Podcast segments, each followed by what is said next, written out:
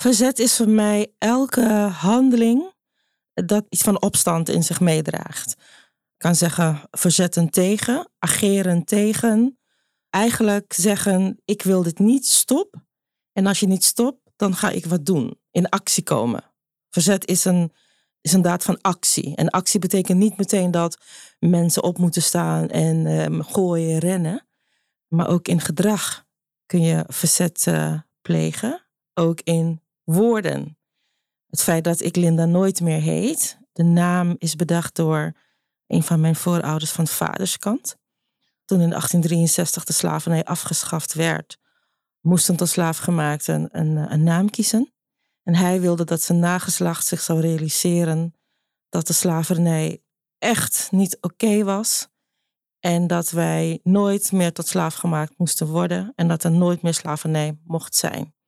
En waarom is dat een daad van verzet? Dat druiste echt in tegen alles wat op dat moment gebeurde. De meeste mensen hebben de namen gekregen van de voormalige plantage-eigenaar of een, een, een verbasterde vorm daarvan. Er zijn nog meer gezinnen geweest die verzet gepleegd hebben in de naamgeving. Vrijheid, vreugde, strijdhaftig, dat soort achternamen. Dus dat is een bijna subtiele manier van verzet uh, plegen. Maar wat vervolgens nog generaties daarna nog steeds zijn waarde heeft. Hoe blijf je drijven als je niet kunt zwemmen? Hoe haal je adem als je stikt? Ieder mens kan zich verzetten, maar een mens is nooit een held alleen. Mijn boek spitste zich toe op het verzet tijdens de Tweede Wereldoorlog en in het Nederland van nu.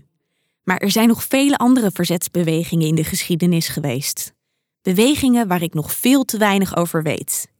Ik besluit Linda nooit meer, voorzitter van het Nederlands Instituut voor Slavernijverleden en Erfenis, te vragen of ik haar mag interviewen over slavernijverzet. Haar achternaam viel me op tijdens de Katie Gotti-herdenking van 2022 niet wetende dat er zo'n belangrijk verhaal aan vastzat. Waar ik Linda in eerste instantie als voorzitter van NINSE vraag, wordt het gesprek een stuk persoonlijker dan verwacht.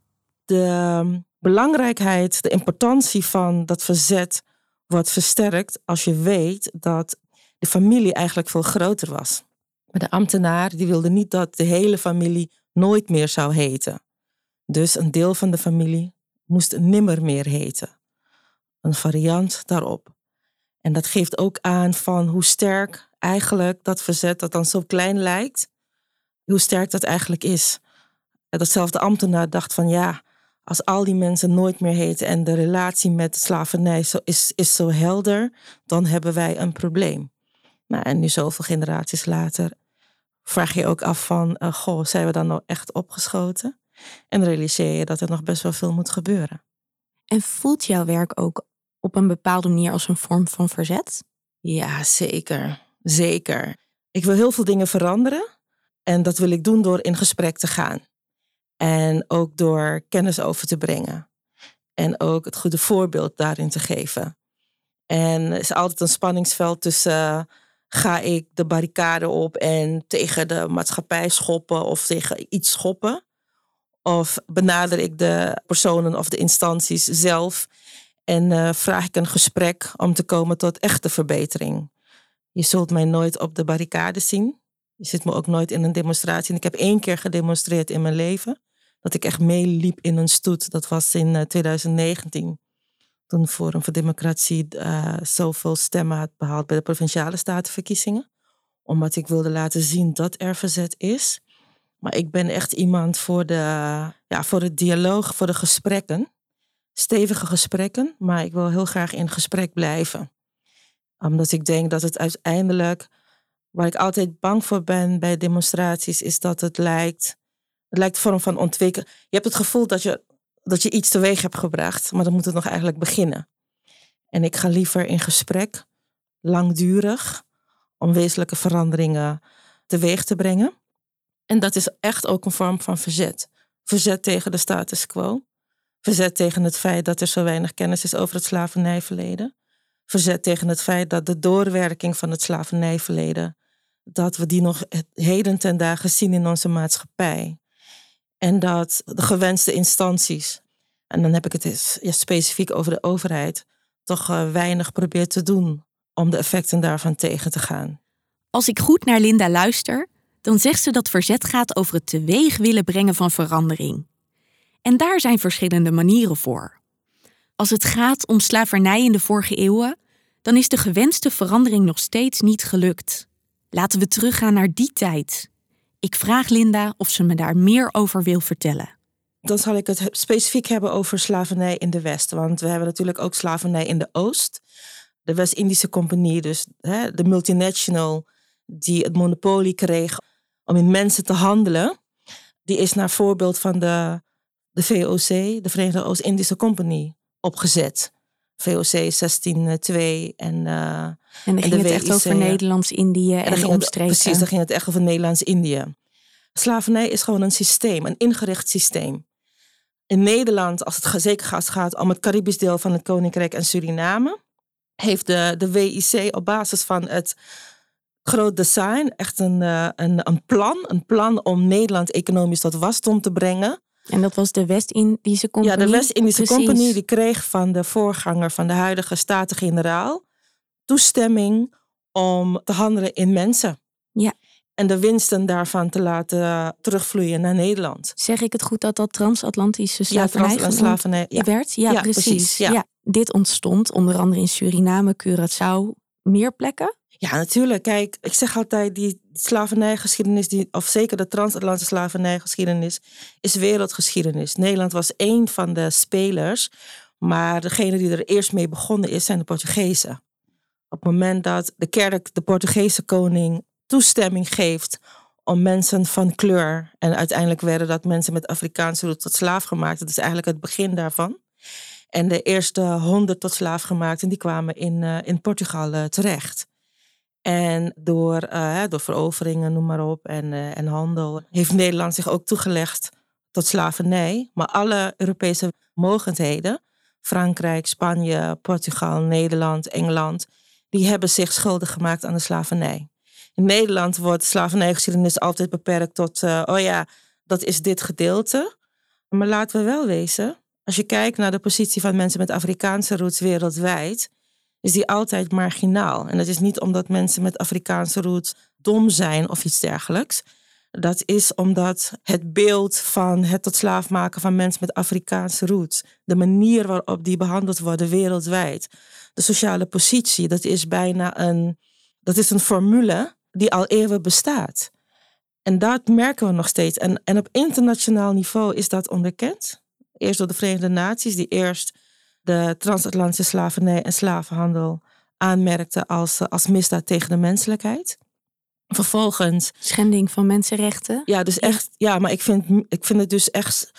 Echt misdaden tegen de menselijkheid. Dus wat wij in andere landen nu genocide zouden noemen, genocide. Nou, dat, dat, dat wordt nooit gezegd over de slavernij, de transatlantische slavernij, maar dat was genocide. Maar zo kan je het wel zien. Ja. Dat, dat was het. Ja, precies, dat was het. Dat ja. was het de leeftijdsduur van een tot slaafgemaakte was 20 jaar. En voor het Nederlandse deel zijn er 600.000 mensen met Afrikaanse roots verscheept. Ja, eerst naar Curaçao of het Caribisch deel van het Koninkrijk en toen naar Suriname.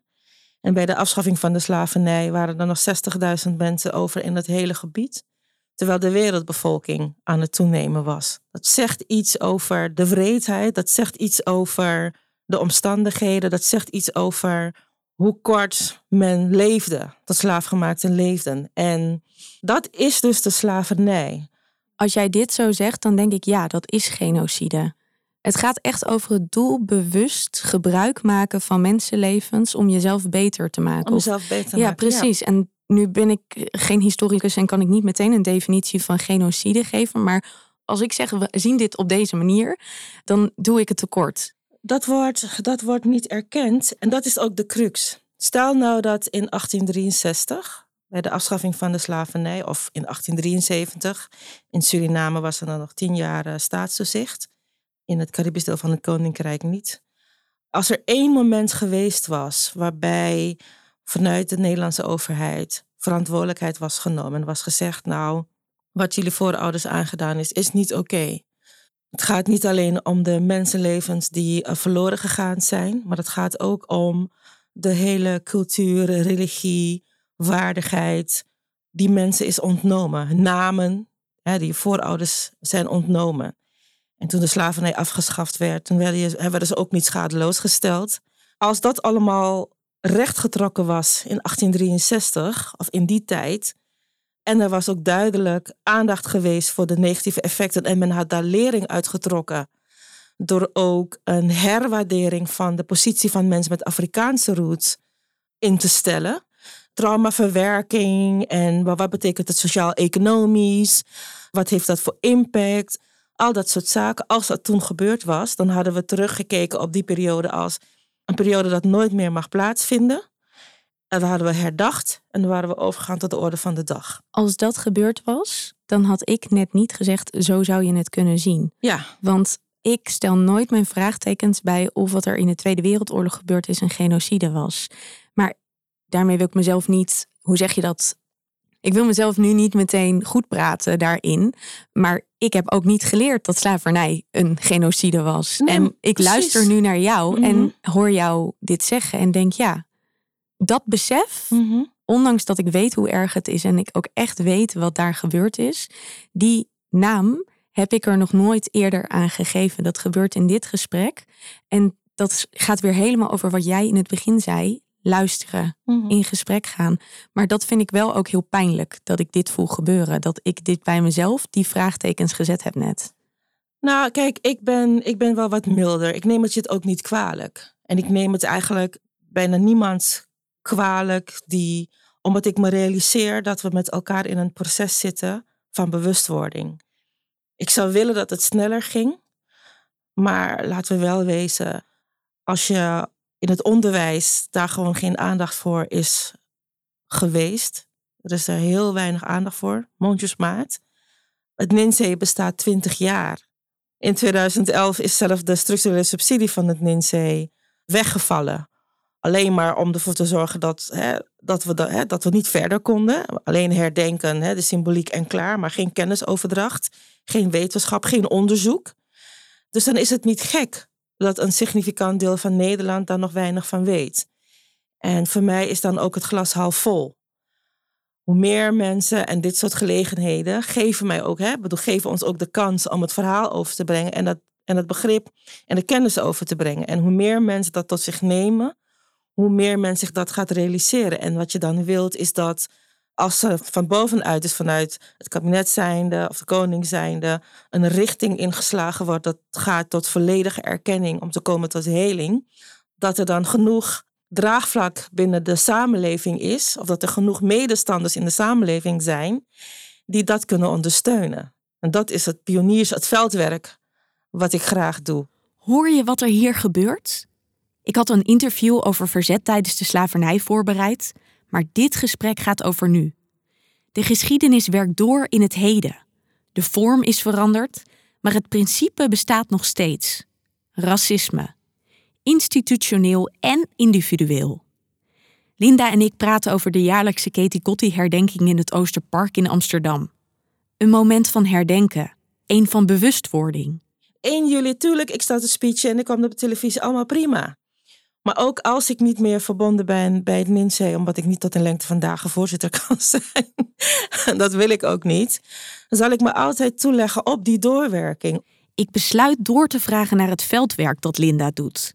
Ik vind ook als je discussies hè, vandaag de dag volgt, dan zijn mensen heel veel tijd kwijt aan het niet luisteren naar elkaar, maar proberen te overtuigen. En de kampen, hè, beide kampen, die, zijn, hè, die, vonden, vinden het geweldig. Want ja, je hebt het verteld. Maar mijn vraag is dan altijd, en wat is er nu bereikt? Wat is nu het eindresultaat? En ik woon nu 31 jaar in Nederland, sinds mijn zestiende. En toen ik naar Nederland kwam, heb ik echt kennis gemaakt met het poldermodel. En ik weet nog dat Nederland echt ook internationaal geroemd werd om het poldermodel. Dat staat op zich best los van hoe ik ik bedoel, ik ben best wel autoritair opgevoed. Uh, Caribisch. Je vader of de ouders hebben het voor het zeggen. En uh, al dat geoverleg, dat is niet aan de orde. Daar heb ik zelf ook moeten leren. Ik heb drie bonuszoons, Nederlandse bonuszoons. En ik heb van mijn nu man geleerd hoe je dat dat doet. Je hebt het poldermodel eigen gemaakt. Ik heb het poldermodel eigen gemaakt. En soms vind ik wel dat je er keihard tegenin moet. Maar het begint met het gesprek. Eerst het gesprek en als je nergens komt, nou, dan de actie.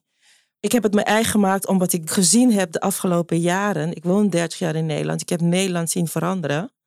Mensen zijn heel erg verbaal sterk, communicatief, kunnen heel goed argumenteren, debatteren.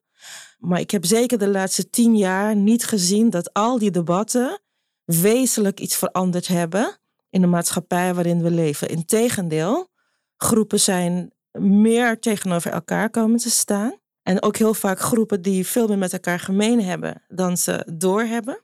En alleen maar omdat we ons verliezen in het debat. Er moet ook altijd ergens over gedebatteerd worden. Terwijl ik gewoon denk, at the end of the day, moeten we het met elkaar doen in dit land.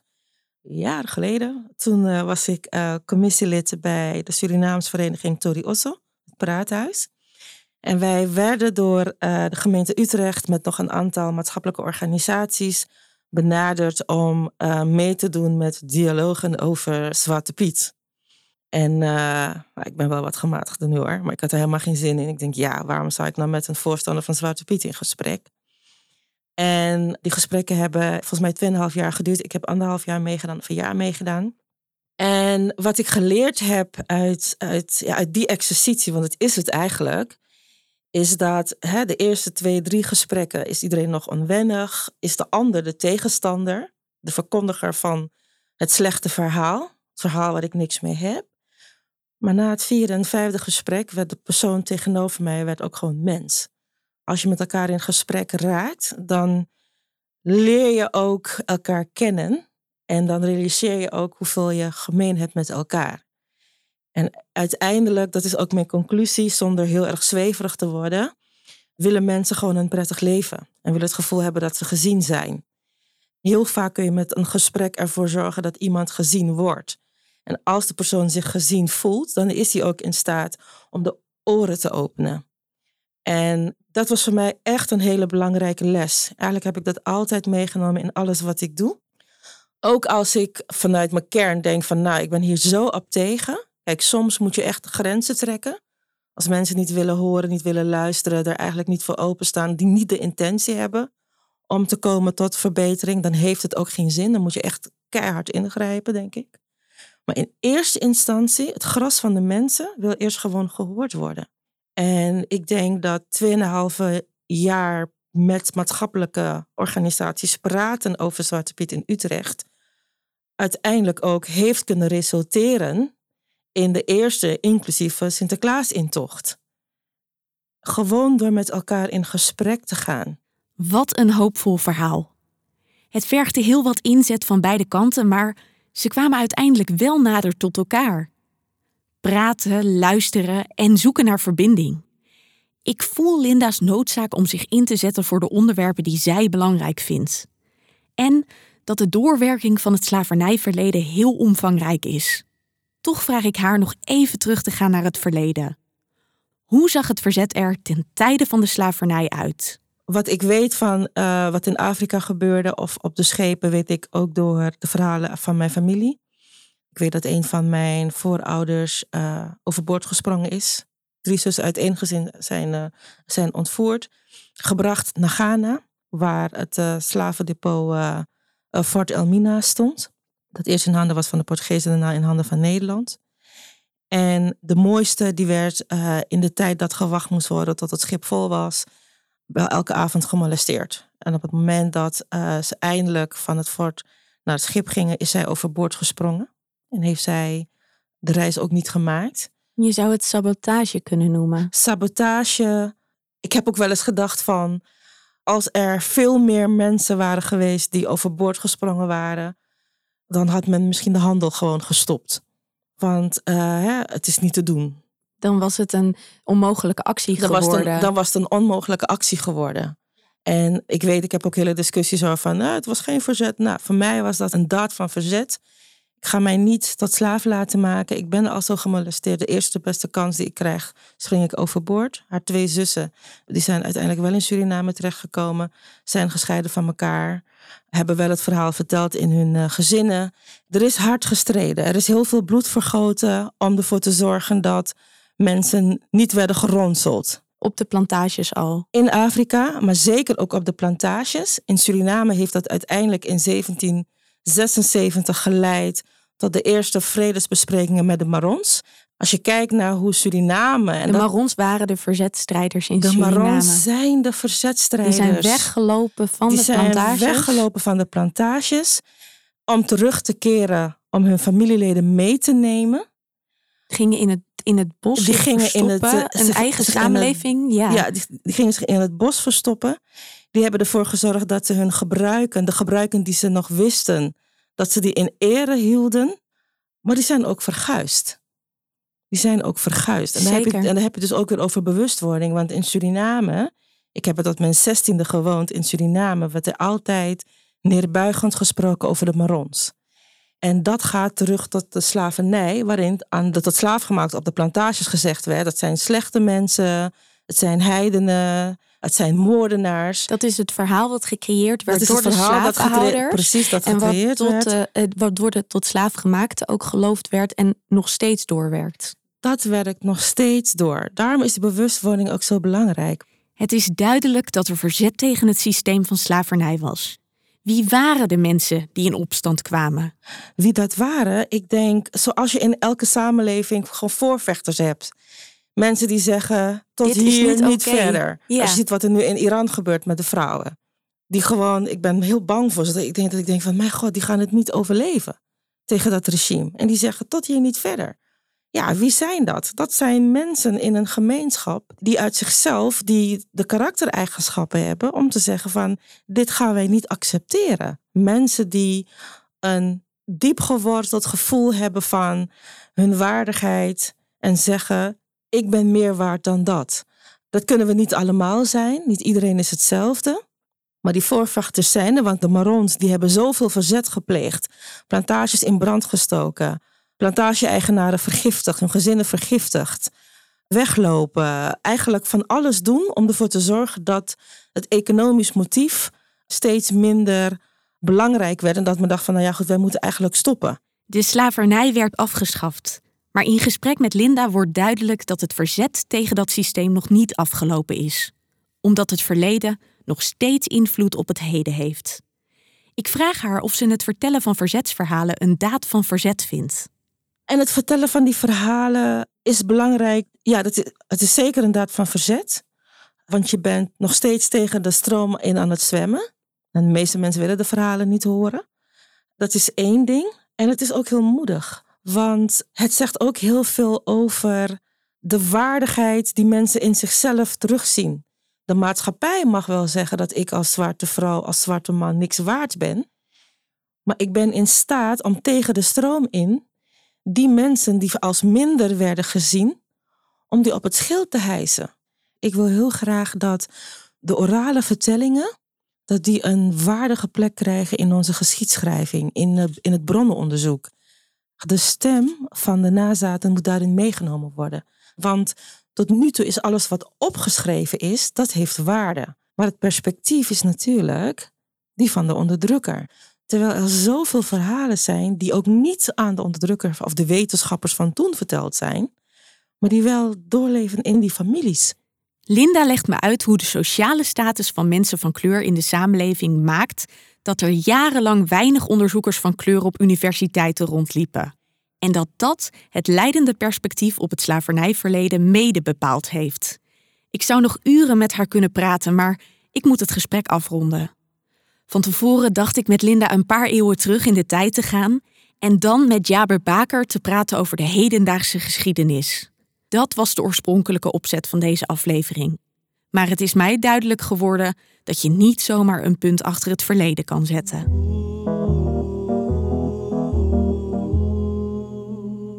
Jaber Baker werd geboren in Syrië en belandde daar op 19-jarige leeftijd in de gevangenis.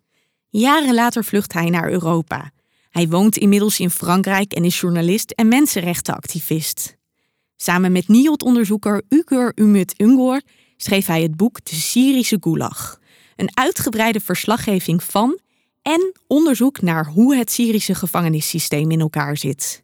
Ik vraag Jaber om met me te delen waarom hij in 2002 gearresteerd werd. You know, when, when Bashar al-Assad came in the power and be a president for Syria after his father, it's something not so clear for the other audience because Syria is a republic country, but we have something like royal way to transfer the power. But this guy, he spent a long time in France, England, and uh, he studied as a doctor and smart, so gentle, etc. So we thought in that time, yeah, it's a good choice for the Syria. And we thought this guy maybe he, he believed to get Syria out from this third world and try to develop the economy and make more freedom for the Syrian people. He's not like his father. He's someone so intellectual.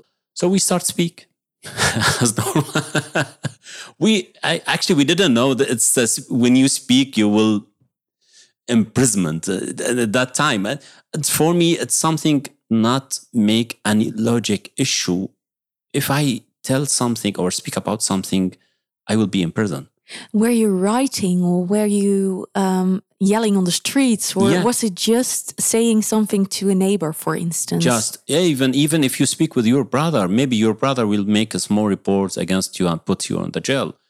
This is the main story about the Syrian society because the Syrian society all the time live in a afraid area from the different issue. So you didn't know who to trust, but you Yeah. weren't at that point aware of that system that was created. That's true. But uh, at that time, I wasn't in the university. I'm in the mechanic engineering issue, and I speak about the Freemason in Syria. Jaber heeft het hier over de vrijmetselaars.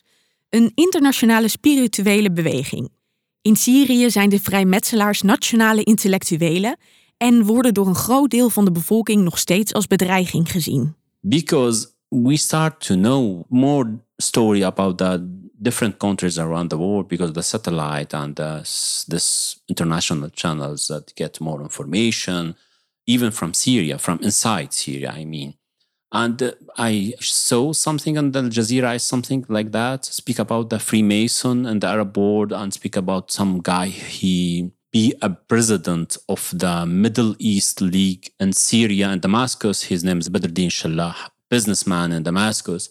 So I tell the story as a normal issue, random issue. We try to fill the time because we are students. Wanneer Jaber mij dit vertelt, denk ik aan het onderscheid dat Lisbeth in aflevering 1 maakte tussen verzet in een dictatoriale staat en protest in een land waar vrijheid van meningsuiting een recht is. Zonder er bewust van te zijn dat wat hij zei strafbaar was, belandde Jaber in de gevangenis. Hij was slechts een leergierige student die kennis wilde vergaren. Die wilde filosoferen met zijn vrienden. En daar werd hij flink voor gestraft. But my friend, his father works with the political service intelligence in Syria, and his uncle, the president of the Air Force intelligence service in Syria. I didn't know, by the way. And he make a small report to my teacher and uh, the director of this school. And uh, this guy, he asked me, uh, Do you know anything about the Freemason? I tell him the story. What is it exactly? And more and more. In my mind, it's not something dangerous. And uh, the story grew up immediately and come to be something serious. It's come to be something I should be sorry for, for it. Then they, the report go to the uh, military uh, intelligence service. The military intelligence service ask a huge number of my friends and me to go there, investigate more, and make like um, interaction, a long one in 18 March 2002. Wat Jaber deed was onbewust. Het was geen vorm van verzet. Maar hij werd gestraft alsof dat het wel was. Jaber vertelt dat hem na zijn arrestatie gevraagd werd of hij informatie over zijn vrienden had. Hij weigerde aan dit manipulatieve spel mee te werken. Wel vertelt Jaber wat hij over de vrijmetselaars weet. Hij werd in de gevangenis gegooid. Jaber verbleef twee jaar lang in verschillende gevangenissen waar hij werd gemarteld. En toen hij vrijkwam, was hij alles behalve vrij. They decide to take my whole civil rights and banned me to travel. And I never had or have a Syrian passport in my life. I escaped Syria from the mountain to Lebanon in 2012. Well, there's a couple of years between that. after the the, the, the, the present time you should be in syria. I, I released in 2004 spent two years more in this military service. And 2007 i started my job. Then 2011 the revolution started then i involved in immediately with this this kind of action and the work like and, the, in the relief and the medicine relief and this hospitals and uh, help the people to to find a new place because you know the situation gets so worse so fast in Syria. Then in 2000 And dangerous as well. dangerous at the same Yeah. time. Yeah, 2012 I get my threat to murder if they see me on the street. Then I escape Syria to Lebanon. Ik vraag Jaber of hij zichzelf destijds als verzetstrijder zag. Yeah, I can say my prison it made my life because the prison shaped my mentality to be more open. Because inside the prison, in that time, not in this time, all the time I, I should mention it, in that time and before the revolution, because after the revolution, the prison start to be institution to the death, just to kill the people under torture. But in that time, in the prison, I met the intelligence people inside, so intellectual people, so friendly, so freedom mentality. And you can test the liberation there because the people speak about anything the religion, politic, sex, anything. So long time to spend it. So we try to use it in a good way. And we didn't afraid from anything because we are already in the prison. Is het verzet wanneer je in gevangenschap doet wat buiten de gevangenis niet mag? Wanneer je het over onderwerpen hebt waar je het in het dagelijks leven nooit over had durven hebben, maar nu, omdat je toch al opgepakt bent, niet meer alleen in je gedachten naartoe durft te gaan. So in that time, I used myself to be like um, a recorder machine and ask the people, tell me your story, please. I don't have anything to memory. This just my mind. I memorized a lot of information about my friend and my brothers. The prison became to be a family. Did you memorize it by repetition? by yeah repeat more and more and more i try to memorize the story and by the way i have a good memory it learned me to be myself now it learned me to be more freedom guy it learned me to be more open with the others people even if they could be my perpetrators by the way because there's a system to release in syria Jaber legt uit dat de mensen die hem mishandeld hebben dat in opdracht deden. Toen hij later een van de bewakers, genaamd Ahmed, tegenkwam, werd hij met open armen ontvangen. Jaber besloot met Ahmed te praten en hem als mens te zien. Dat is wat hij in de gevangenis geleerd heeft. Ik vraag hem of zijn activisme voor mensenrechten in de gevangenis ontstaan is. Yeah, when I work about the prison, I'm not work for myself. I'm work for my friend that still in prison. I work for my friend that die in the prison. We don't know anything about them. When I wasn't in the prison, I decided to be a journalist. I decided to be a writer, but I get a long time to be a writer because it's not easy to be a writer in the Arab world.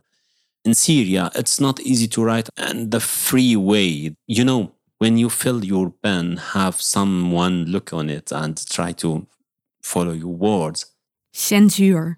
So when I work as a journalist, I work in the in the economic issue and the social issue, not in the political. uh, Never, because I think the political it's something.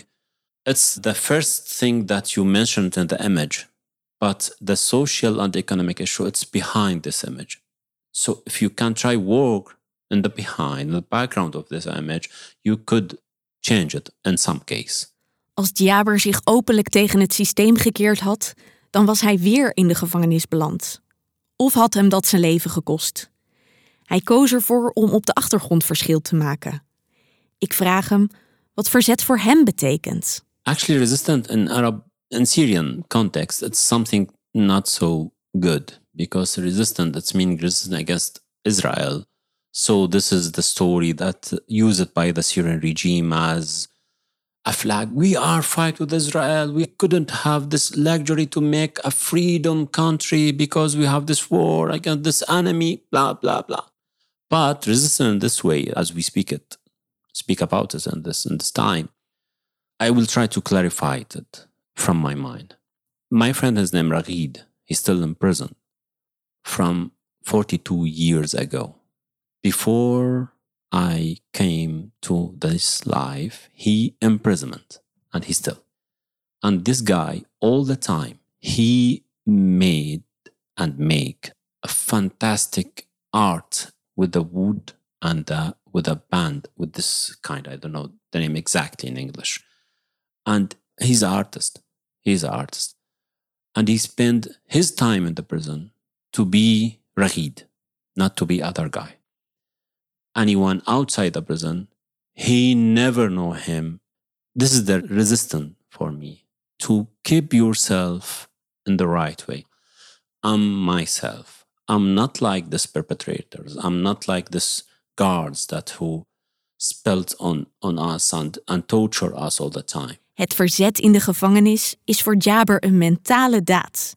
Je niet laten meeslepen in alle ellende die je aangedaan wordt, maar bij jezelf blijven. Dat klinkt als een krachtige daad. Een daad waar ik me niks bij voor kan stellen omdat ik, wat Jaber beschrijft, niet aan de lijf ondervonden heb. Ik kom terug bij de vraag die ik al eerder stelde. Would you call yourself a resistance fighter? Mm, not so much. not so much. You know, when you try to shape the other stories and you can find yourself in the stories. Yes, this is me, and this is this is my. I, I know this. I know this place. You feel I'm a part of. I'm not alone in this field. There's a lot of the Syrian people work as activists. They try to shape this issue and try to put it on the table. They try to spread around the world. I'm part of. I'm not alone. So for that, yeah, I can say myself I'm I'm a fighter but without army. Even we are a lot, but we don't work together. It's tough issue to work on it and in it because it's on and in because you are involved inside it. Because you, of your past. Yeah. Yeah. Yeah. So for that I, I think yeah, I'm I'm a resistant fighter, yeah. But I hope the other Syrian they can get this opportunity to be resistant fighter. Deze woorden maken me stil. Als ik ze goed interpreteer, dan ziet Jaber het als een privilege om verzetstrijder te kunnen zijn. Vanwege de consequenties. Ik vraag hem wat de vrijheid van meningsuiting die hij nu verworven heeft voor hem betekent. You know, until this time, until this moment that I speak with you, when I try to write something and I feel in myself, in my head, there is a policeman ask me to head this word or leave this word. There's always censorship. Yeah. I still take off the pen and go to myself and ask myself a question about what I want from this life. If I need to luxury life, spend a good life with a big house and cars and etc. So I return to Syria and work with the Syrian regime and get a lot of money and say this is not a revolution, blah, blah, blah. But I'm not. Actually, I couldn't accept this on myself. It's not easy to be part of this shit. So in this case, I rebuild my priority and ask myself more and more about this kind of issue. And all the time, I found myself in this resistant field. So I should be a fighter. I should continue to the freedom speech. I should continue my job. Jaber legt me uit dat hij gelooft dat inzicht in het regime kan bijdragen aan het stoppen ervan. Net als in gesprek met Linda voel ik de noodzaak om te doen wat ze doen. Zowel Linda als Jaber kunnen niet anders. Ze kunnen niet accepteren wat er gebeurd is en nog steeds gebeurt. I believe in the future. I think the time it's tough in the, in the present, but the time is a great medicine for this kind of subjects. It's a great solution because the time gave us the possibility to to to to correct our wrong, to correct the wrong around us. So I think this belief uh, it will function in the future. We have something like we name it the social justice.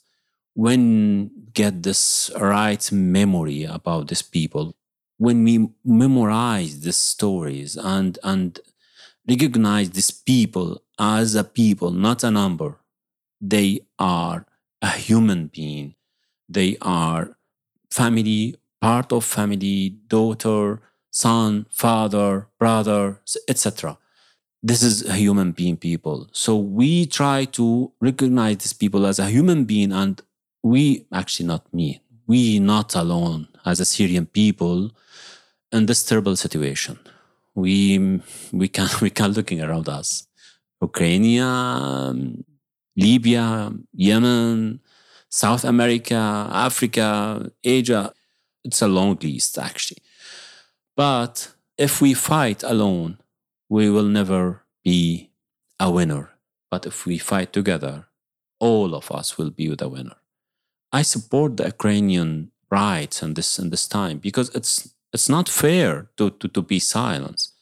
We should be part of it. Geloof in een betere toekomst maakt dat Jaber de verhalen die hij in de gevangenis verzameld heeft kan vertellen. Hij is geen pessimist. Hij gelooft in verandering. Geloof in sociale rechtvaardigheid. Net als Linda. Ik denk dat dit een voorwaarde is om in verzet te komen. Want als je niet gelooft dat het anders kan, waar strijd je dan voor? Als ik terugkijk op de gesprekken in deze aflevering, dan zou ik de naam kunnen veranderen in Verzet tegen een dictatoriaal regime. In aflevering 4 ga ik in gesprek met twee mensen die in protest komen in een samenleving waarin vrijheid van meningsuiting een recht is. Namelijk de onze. In Verzet is een initiatief van mij, Annemiek Lely. Ik wil graag mijn gasten van deze aflevering, Linda Nooitmeer en Jaber Baker, bedanken. De serie werd geproduceerd door Collected Works. De technische ondersteuning tijdens de opnames, eindmontage en mixage was in handen van popuppodcast.studio. De soundtrack werd gemaakt door Collectief Maktoep en Merel Ooms en Benno Hoogveld ontfermden zich over de eindredactie. Bent u benieuwd naar mijn boek? Het koffertje van oom Tom is te koop bij uw lokale boekhandel. De totstandkoming van de serie werd financieel mogelijk gemaakt door het V-Fonds, Sena Muziekproductiefonds, Prins Bernhard Cultuurfonds, BNNL van Bohemen van der Zwartfonds, Stichting Democratie en Media en het Hendrik Muller Fonds.